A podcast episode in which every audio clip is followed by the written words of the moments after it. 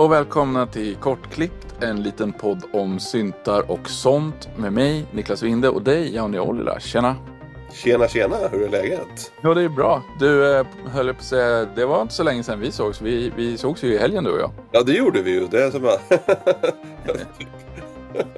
Första gången på, på 20 år. Ja, det var väldigt spännande. Det var skitkul. Det var skitkul. Eh, mycket roligt. Men jag har börjat återhämta mig efter hemresan här och börjat landa här i Skåne. Så att eh, snart tillbaks på banan igen kan man säga. Ja. Nej men ja, vi har ju pratat om att ses några gånger och, och sen så bara sa du att nu är det fan dags. Jag kommer upp och så hoppar du på tåget och dök upp. Det var verkligen skitkul. Mm. Och eh, vi har gjort lite musik tillsammans under helgen.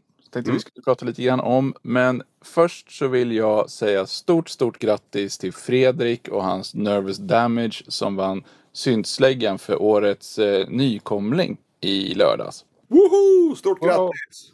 Ja, men det är fruktansvärt välförtjänt. Jag vet ju hur mycket Fredrik har kämpat med de här låtarna och jag tycker att han har fått ihop ett fantastiskt album.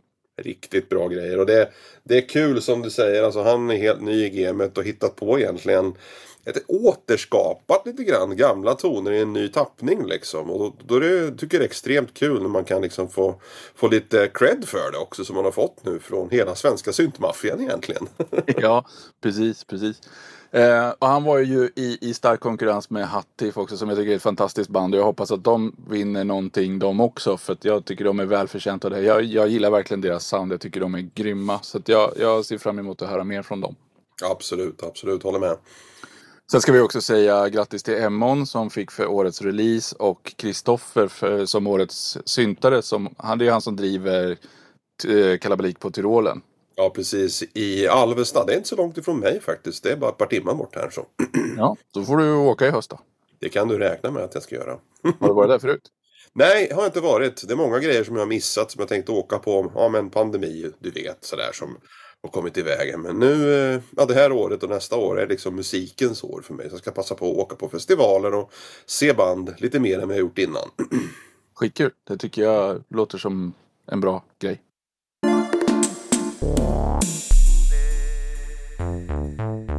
Ja, så vi hade ju en helg i, i syntens tecken du och jag och vi, eh, ja, vi satt nog nästan 12 timmar i min studio i lördags. Absolut, det gjorde. Det var mycket intensivt men ändå extremt produktivt måste jag säga. Alltså det, eh, när man sitter så här som du och jag, vi har ju inte jobbat, jo, det, nu, nu ljuger jag, det har vi ju visst det. Vi har faktiskt gjort tillsammans för, musik förut. Men det var väldigt, väldigt länge sedan, bara en gång.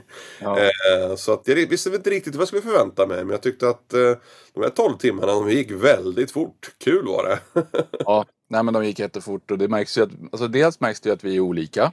Men det märks ju också att du är otroligt skicklig och duktig på det du gör och att du har en musikalisk ådra som, som liksom finns där hela tiden. Det ligger väldigt högt i ditt medvetande så att säga. Ja, alltså det, det är ju skitkul och framförallt så tycker jag det är roligt ett, att träffas och sitta och snacka och söla skit. Snacka musik och synta liksom på plats då i verkliga livet.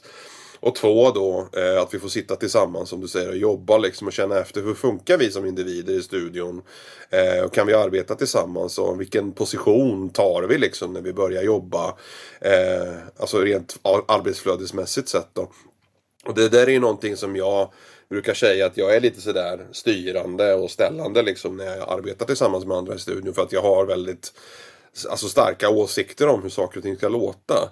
Men jag försöker alltid liksom hålla mig så långt bak det går som möjligt i, i, i beslutandeprocessen också så att liksom andra ska få plats också. Men jag har väldigt svårt för att släppa taget om det där så att det är intressant att höra vad du själv tycker om, om eh, själva ja, samarbetsmodellen som vi hade. Ja, och jag är nog lite tvärtom. Så att jag, jag tror att vi passade bra ihop där. För jag tar gärna en baksätesroll och åker med och lägger in liksom jag, jag kan ha väldigt starka åsikter om vissa saker och då, och då vill jag ha det på det sättet så att säga. Men det, de är få och långt emellan. Så, så resten av tiden åker jag gärna med och, kanske, och sen så kanske jag slänger in någon grej som kan vara på, på något sätt avgörande för en låt också. För mitt största bidrag var väl egentligen Mono Machine-ljudet som jag gjorde till en av låtarna. Ja, det var fantastiskt. Och jag gillade, alltså, för er som inte vet så har ju Niklas en fantastiskt trevlig studio med mycket trevligt ljudsystem. Eh, men det du kanske inte har berättat är att man sitter framåtlutad och skruvar på instrumentet så försvinner basen. Och sen när man lutar sig tillbaka i, i viloläge så dyker den upp som en liten hälsning på posten.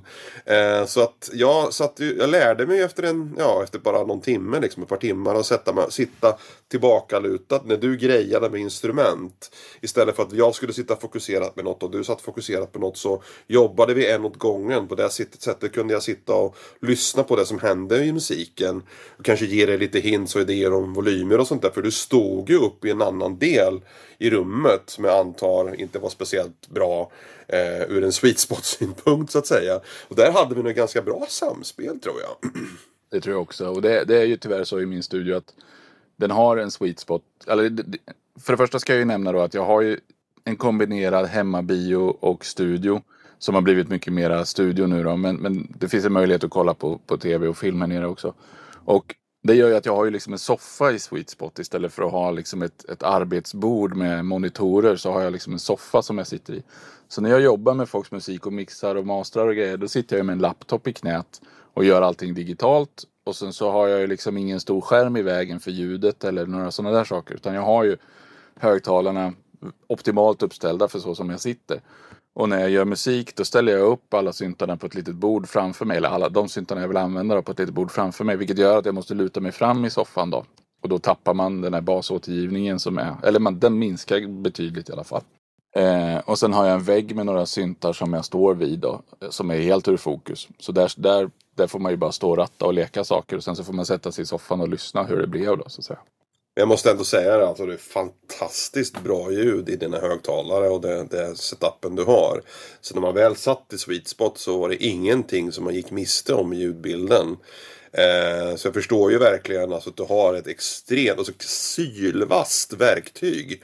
Eh, som du använder dig av när det gäller liksom lyssningen som du har i ditt rum. Och det som var så roligt också tycker jag att även på eh, väldigt moderata och enkla, alltså lyssningsbara, låga nivåer så var det superdetaljerat och kristallklart liksom. Eh, egentligen alla de frekvenserna som, eh, som man lyssnade på. Det var lite kul för du sa till mig innan du kommer, Jauni, eh, plocka med dig några låtar som du vill lyssna på. Jag har ju en favoritlåt med eh, Massive Attack som heter Prayer for England. Eh, där egentligen det är väldigt få ljudsystem som klarar av att återge den basen. eh, som kommer in där i början och går igenom hela låten. Där de egentligen spelar en melodi med subbasen som är extremt svårt att höra i, ja, i enklare, alltså mindre sub intensiva system. Och det var så himla kul att få höra den i ditt system. För det lät mångt mycket bättre än det låter hemma hos mig kan jag säga. ja men jag, jag, är jättenöjd med de här högtalarna jag har och, och rummet jag har fått till. Så jag är, är glad att du säger det. För det, det, dels är det kul att få en bekräftelse på att det man själv tycker stämmer med andra som har erfarenhet.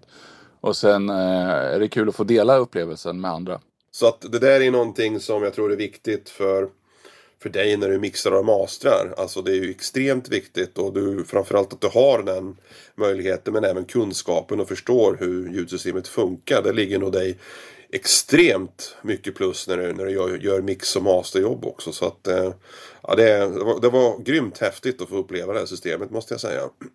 Kul, kul. Ja men så är det ju. Jag, jag har ju lagt fruktansvärt mycket tid både på att jobba här nere och, och, och lyssna och framförallt senaste året nu då så har jag ju klämt in eh, bra mycket tid med, med både egen och andras musik. Så, så det, det blir, det är ju sån här erfarenhet som läggs liksom som en, som en bank i, i, eh, i huvudet. Alltså man, det blir väldigt lätt att höra liksom när saker och ting ligger lite off. Mm. Så när vi jobbade då eh, så tyckte jag det var intressant. Alltså jag, en av de grejerna som jag såg fram emot också ut, utöver att träffas och, och lyssna på, på ljudet i din studie. Det var att få jobba med elektrons syntakt. Eh, det där var ju för mig en helt ny upplevelse. Jag har inte ens eh, jag har inte tagit det än i, i verkliga livet innan. Eh, och det var så himla kul för att du, det var du som nämnde det tror jag. Att utan att egentligen ha sett en maskin innan. Så jag har ju jobbat med analog 4 och Digitone och Digitakt innan. Så det tog mig kanske typ två minuter så var jag igång och jobbade med den. Eh, så det var som en gammal kompis som hade bytt kavaj lite grann liksom så. Eh, så det var väldigt lätt att komma in och börja jobba i den. Och jag gillade verkligen eh, setupen den hade med de olika maskinerna. Först fattade jag inte digitalt och analogt men sen så kom jag på det att de åtta översta är digitala och sen de fyra där nere är analoga när du påminde mig då. Så att jag satt ju först och jobbade med de digitala bara. Mm. så, eh, extremt spännande och, och kul ljud bild man kunde få fram i den maskinen. Så den var väl med i stort sett som grundenhet på alla de låtarna vi gjorde. Ja, och det får man ju ge stor cred till, till Elektron som lyckas göra maskiner som genomsyras av deras liksom, grundfilosofi så att de är samma hela vägen. Absolut. Ja, det, går att, det går att flytta mellan dem utan några större problem. Liksom. Absolut. Och jag tror nog, alltså det där är nog ingens one trick ponny. Alltså, jag skruvade baskick, alltså kick, kick, det börjar man jag brukar alltid börja med det. Och det tog mig, jag tog inte mig, men ett par minuter så hade de ett bra ljud framme. Och just den paletten som fanns tillgänglig, tillgänglig också när man lyssnade igenom alla pre presets i den. Eh, påtalar jag att man kan ju göra massvis med olika typer av kicks som egentligen inte låter ens i närheten av varandra. Så att det är några som har sagt att det är en one trick pony. Jag kan absolut verkligen inte hålla med om det. Snarare tvärtom. Jätteflexibel var den. Ja, jag skulle nog säga också att den är, att den är väldigt flexibel och, och eh, jag gillar grundljudet i den. Jag tycker att de har lyckats få till det bra. Och, och jag ska inte... Alltså Machine Drum för mig när man laddar in maskiner på de olika spåren så upplever jag att grundinställningarna på nästan alla maskinerna på Machine Drum är lite yxiga. De är liksom sällan som... Man måste alltid tweaka dem ganska mycket. Medan det på syntakten då har de liksom ja, men 20 års erfarenhet och så, så har de liksom valt bättre grundljud på dem känns det som. Mm. Ja, det, jag var jätteimponerad och, och framförallt så för mig eh, så triggar det den kreativitet. Mm. Eh, jag gjorde den direkt. Så fort jag slog på den och började hamra så kände jag direkt shit det här är en maskin som, som jag tycker om att jobba med.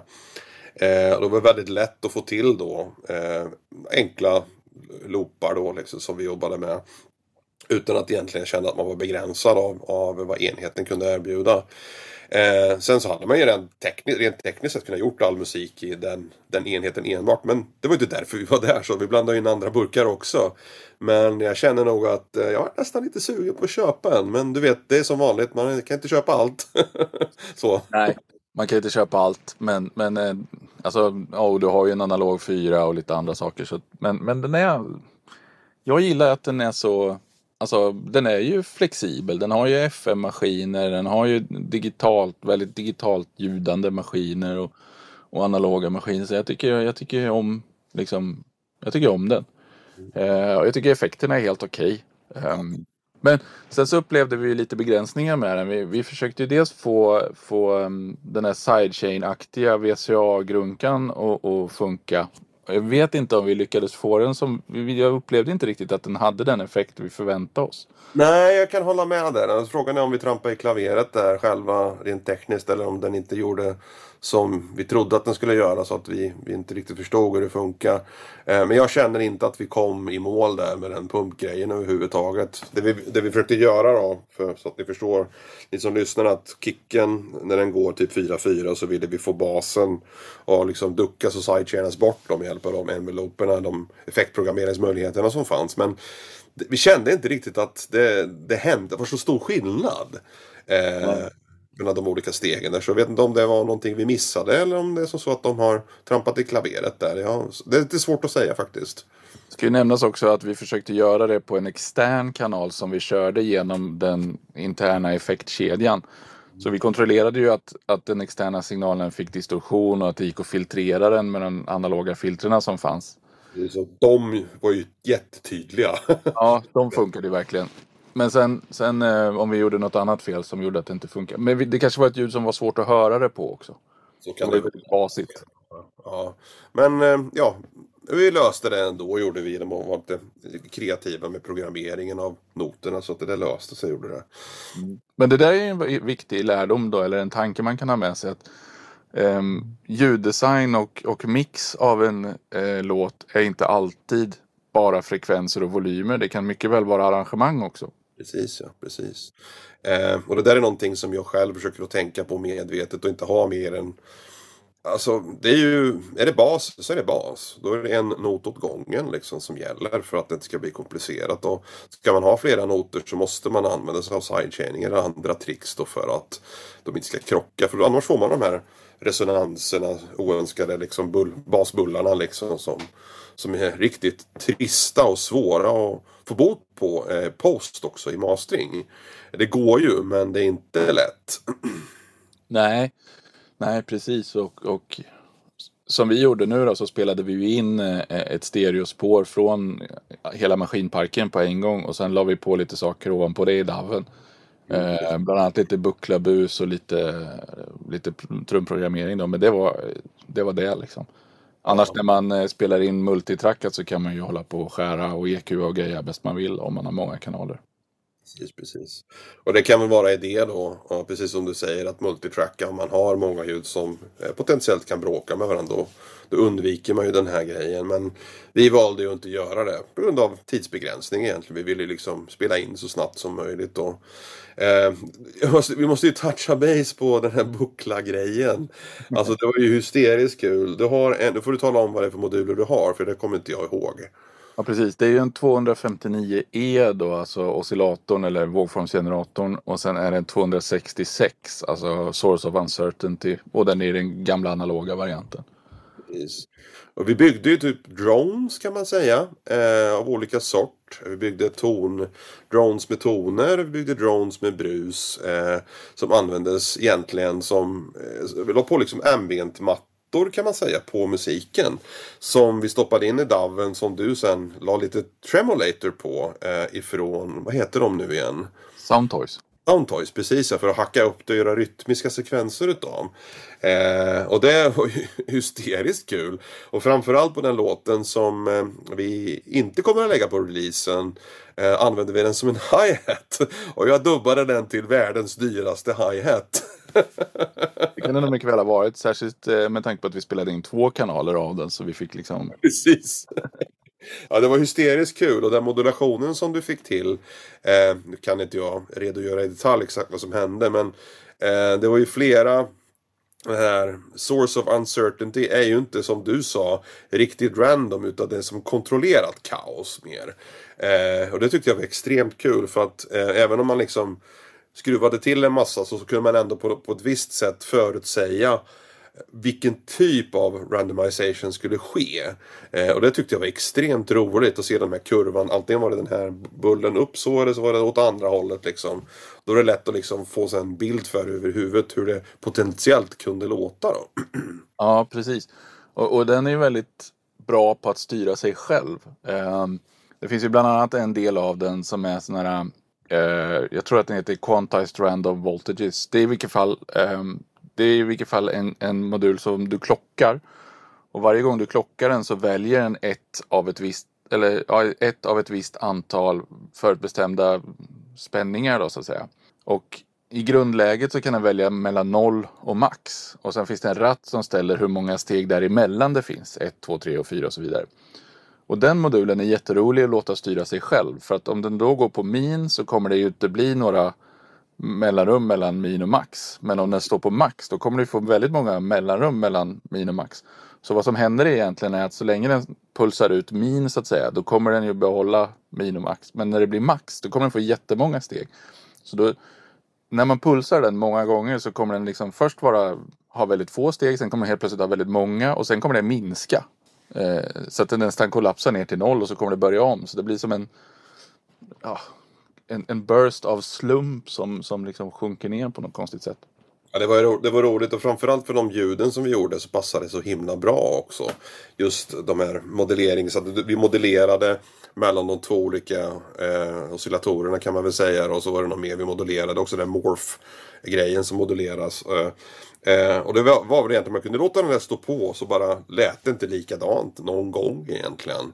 Eh, och det där är ju perfekt när man ska skapa liksom rytmiska element som hela tiden ändrar på sig. Så det blir intressant att ha det som hi-hats eller som andra liksom stabbiga toner. Då. Så det, ja, jag tyckte det var riktigt kul att ha med den. Det var kul att skruva på. Banan, banankontakter ska inte underskattas alltså. Det är kul att patcha. ja det är det. Det är jättekul. Och sen så, men det var också kul att se dig liksom angripa syntar som du inte har träffat på förut. Och framförallt när du upptäckte hur musikalisk bucklan är och hur det faktiskt går att spela på rattarna på den. Mm. Och hur man liksom ganska lätt kan hitta toner som passar med musiken. Det var ganska lätt att vrida liksom från grundtonen till tersen och så tillbaka liksom. Ja, det där är någonting som jag inte kan göra med en vanlig oscillator för den är typ steglös. Det var nästan så att det var någon form av kvantisering. Det var inte steg, det var inte steppat. Men ändå så var det lätt att hitta. Det, var, det svårt att förklara. Jag vet inte vad det beror på. Det kanske du, har, du vet. Alltså den är ju kvantiserad men den är ju inte kvantiserad till halvtoner. Men den är ju digitalt avläst i ganska dålig upplösning. Så det blir ju någon sorts kvantisering. Ja, precis. precis. Ja, det var väldigt lätt. Det var som en Theremin fast lite enklare. Ja, precis. Um, nej men det tyckte jag kul, var kul. Och sen så var det ju kul att se dig spela på de andra instrumenten också. Som Croomer Spirit har du ju inte testat förut. Och det, men den var du ju hemma i på en gång. Ja, den var ju helt underbar. Konstig maskin. Den här, nu kommer jag inte ihåg, men till höger så hade du någon som en, som en egen drone-del. Eh, som man kunde ha påslagen som gjorde liksom pulser och sånt där samtidigt som man spelade andra saker. Det var, det var en riktigt cool grej faktiskt. Ja, Så den där gifte sig väldigt bra med, med Sub 37 han gjorde det en liten session. Ja, jag såg det. Jag filmade det också, jag kanske lägger ut någon gång. Men, Ja. men eh, ja, den är jävligt märklig. Och det som är lite tråkigt med den där extra sektion, sektionen är att, att den, är, den verkar inte triggas av eh, CV och gate. Så att, jag vet inte om jag ska modda den för att den ska kunna göra det eller om det finns något annat. Det, det måste jag fan kolla lite på. Ja, det, var, det var riktigt mosigt. Skönt. Riktigt trevligt sound var det. Det var så här. Du vet. Jag vill inte säga att den låter mogg. Det vill jag inte påstå. Eh, men den hade något så här analog 70-tals skimmer över sig. Även om den var en 80-talare. Ja, ja precis. Och den ska ju enligt rykte då ha haft någon eh, design input av Bob. Och sen har jag fått för mig att det sitter Curtis Chip i den. Så det, det svarar väl för lite av det amerikanska soundet i alla fall ja, och sen så trakterade vi även monomaskinen en hel del. Ehm, jag försökte mig på den där lite grann. Men det var så jag tittade på den och så bara nej. Det är nog bäst att du skruvar där. Jag känner inte igen mig alls. Nej, och, men, och det är ju lite synd då. För det är ju, alltså elektrongrejerna som vi sa förut, de har ju liksom hållit sin filosofi ganska mycket. Med, men de här nyare maskinerna har ju ganska mycket nytt. Och sen just i och med de, de är lite mer kvadratiska de där nya som, som Digitakt och Digitone och, och Syntakt då. Så, så de är väldigt lika i upplägget medan den här är old school och lite annorlunda då. Men, men dels så gjorde jag ju en sak som du var väldigt tveksam till först. Och det finns ju en sån här rombank där med massa trumljud som de... Ja, jag tittade väldigt konstigt gjorde jag. Ja, men jag hörde någon gång att de hade slängt in den där rombanken lite grann på kul för att, för att det gick typ. Och det är aldrig, har aldrig varit menat att det ska mm, användas seriöst i någon låt. Men det finns, det finns två saker som är, är jäkligt coola. För, för de där trumljuden kan dels retriggas. Eh, och då kan man ställa hur många gånger varje trumljud ska retriggas. Och eh, man kan också hur fort det ska retriggas.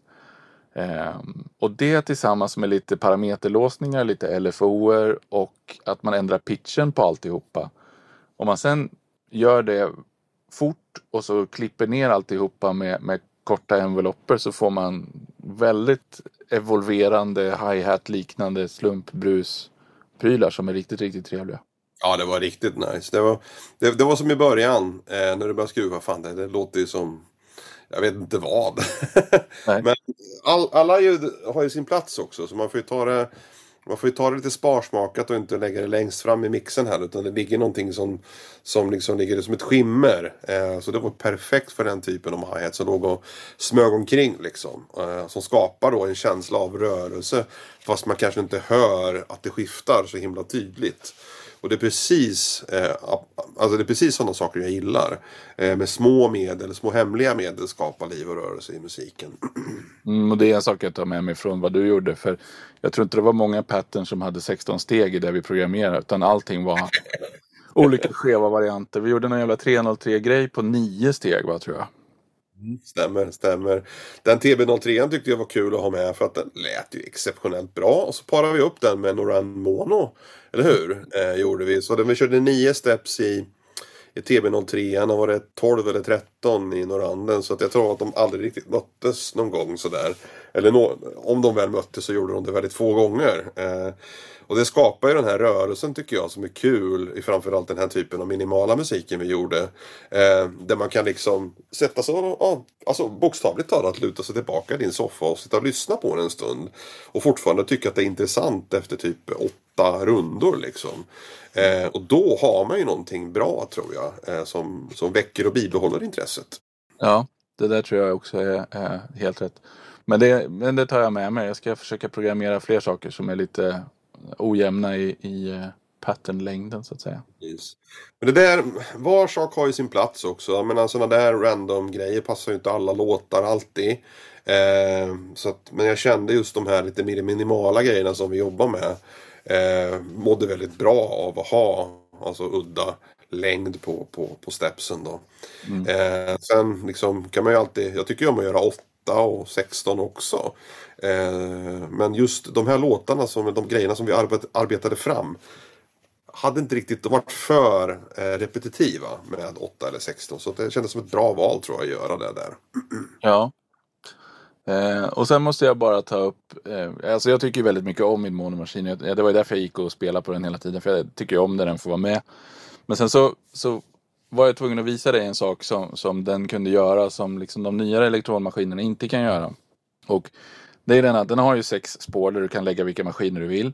Och sen har den tre bussar, tre stereobussar internt då, som du kan eh, lassa ut på utgångar och sådär. Och, sen kan du, och på det sättet kan du då slussa ljud internt från en kanal till en annan. Det finns andra sätt för det också, men det viktiga här är att vi la ett eh, reverb på en kanal och sen så gjorde vi sådana här dubstabs på en annan kanal. Och så körde vi in det i reverbet och så gjorde vi reverbet skitlångt och sen kan ju sequencern styra alla kanaler. Så den kan ju styra, reverbet har ju en egen sequencer-kanal där du kan ha parameter, lås och olika grejer. Så där la jag in eh, så att den choppade upp reverbet. Eh, så att det liksom hugger det så att det låter som det låter nästan som ett delay som, som liksom kapar ljudet. Men jag gjorde det på lite udda steg. Så att det blir som någon sorts konstigt multitap delay fast ändå inte. Och det, det, är en sån här sak som jag är lite ledsen att syntakten inte kan göra. Att den är så pass... Alltså den grundarkitekturen i syntakten är så låst så det går liksom inte. Nej, nej. Jag tror nog att man ska titta på den typen av effektmanipulering så får du göra, jobba med en analog 4 kanske eller Octatrack eller någonting. Jag tror att man kan göra, inte exakt sådär men eh, analog 4 har ju ett eget effektspår vet jag. Som går att manipulera lite grann hur som helst. Eh, så att det kanske har någonting med att göra med att det ska finnas en viss begränsning i de här mindre maskinerna om man har valt att inte ha med det. Så kan det mycket väl vara. Ehm, jag hade ju en analog KEYS ett tag och jag vill minnas att den har ungefär samma arkitektur som syntakten. Att du har liksom grundläggande maskiner och så kan du skicka sends till delay och eh, reverb som finns inbyggt. Och sen så har effektkanalerna en, en um, sequencer eller en pattern att, att liksom samsas om. Som syntakten har. För man kan ju göra parameterlåsningar på den också. All right, all right. Och kanske, kanske den är väldigt lik analog 4 där då eh, i hur den funkar. Ja, för mig det. Um, men en sak som, som vi, eh, apropå bucklan och det som vi pratade om med Source of Uncertainty som jag tänkte på lite senare på kvällen. För, för att jag är inte särskilt sportintresserad. Men jag tittar på Formel 1 eh, och, och alldeles skitsamma vilken sport man tittar på så finns det en, en skillnad som jag har tänkt på. Eh, för det, vi, vi pratar ju om det här med, med 100% slump. Det blir ju Vitt brus eller Myrornas krig och, och kollar du på någonting på tv så kan det antingen vara fullständig slump, alltså Myrornas krig. Eller så kan det vara skriptad underhållning, det vill säga alltså manusunderhållning som filmer, tv-serier och så vidare. Och så vidare. Men sen kan det också vara oskriptad underhållning som sport. Då har du liksom en uppsättning regler och du har ett antal lag eller spelare eller vad det nu kan vara som, som liksom följer de här reglerna. Och sen får man se vad som händer. Och lite så skulle jag påstå att Source of Uncertainty är. Det är inte 100% slump. Nej. Den är inte 100% liksom styrd som en analog sequencer skulle kunna vara. Den är någonting däremellan. Du har en uppsättning regler och sen så, så skapar den någonting ur den här uppsättningen regler. Och det tror jag är någonting som, som man ska försöka ha med sig i musiken på precis samma sätt som man Ja men i syntakten så finns det conditional trigs till exempel. Då har du ju också inte 100% skriptat och inte 100% slump utan du har en styrd slump. Ja precis, styrd slump. För du, jag håller med 100%. Du använder liksom slumpgeneratorer eller vad det nu är för någonting till din fördel för att skapa musikaliska tillfällen. Eh, och det är precis det jag tycker att Elektron har gjort med sin conditional trig som du säger. Och, eh, och även som jag kände att den här Source of Uncertainty funkar. Eh, så att den är väldigt musikalisk ur den aspekten. Och musikalisk slump är någonting Ja, det, det, skriver, jag, det skriver jag upp på direkt. ja, och jag håller på att utforska det där i min DAV också i, i Bitwig. Där finns det ju mängder av sådana där saker. Den har ju också conditional trigs.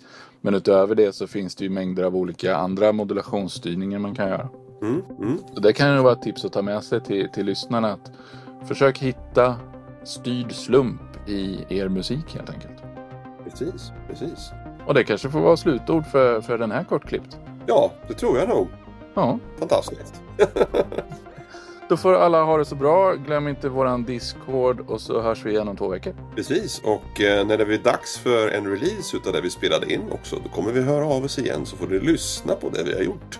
Precis, inte bara höra oss prata om hur fantastiskt det var, utan ni får höra det. får ni avgöra själva om ni tyckte det var fantastiskt. Precis. Stort tack hörni! Stort tack, ha det bra, hej hej! Hej hej!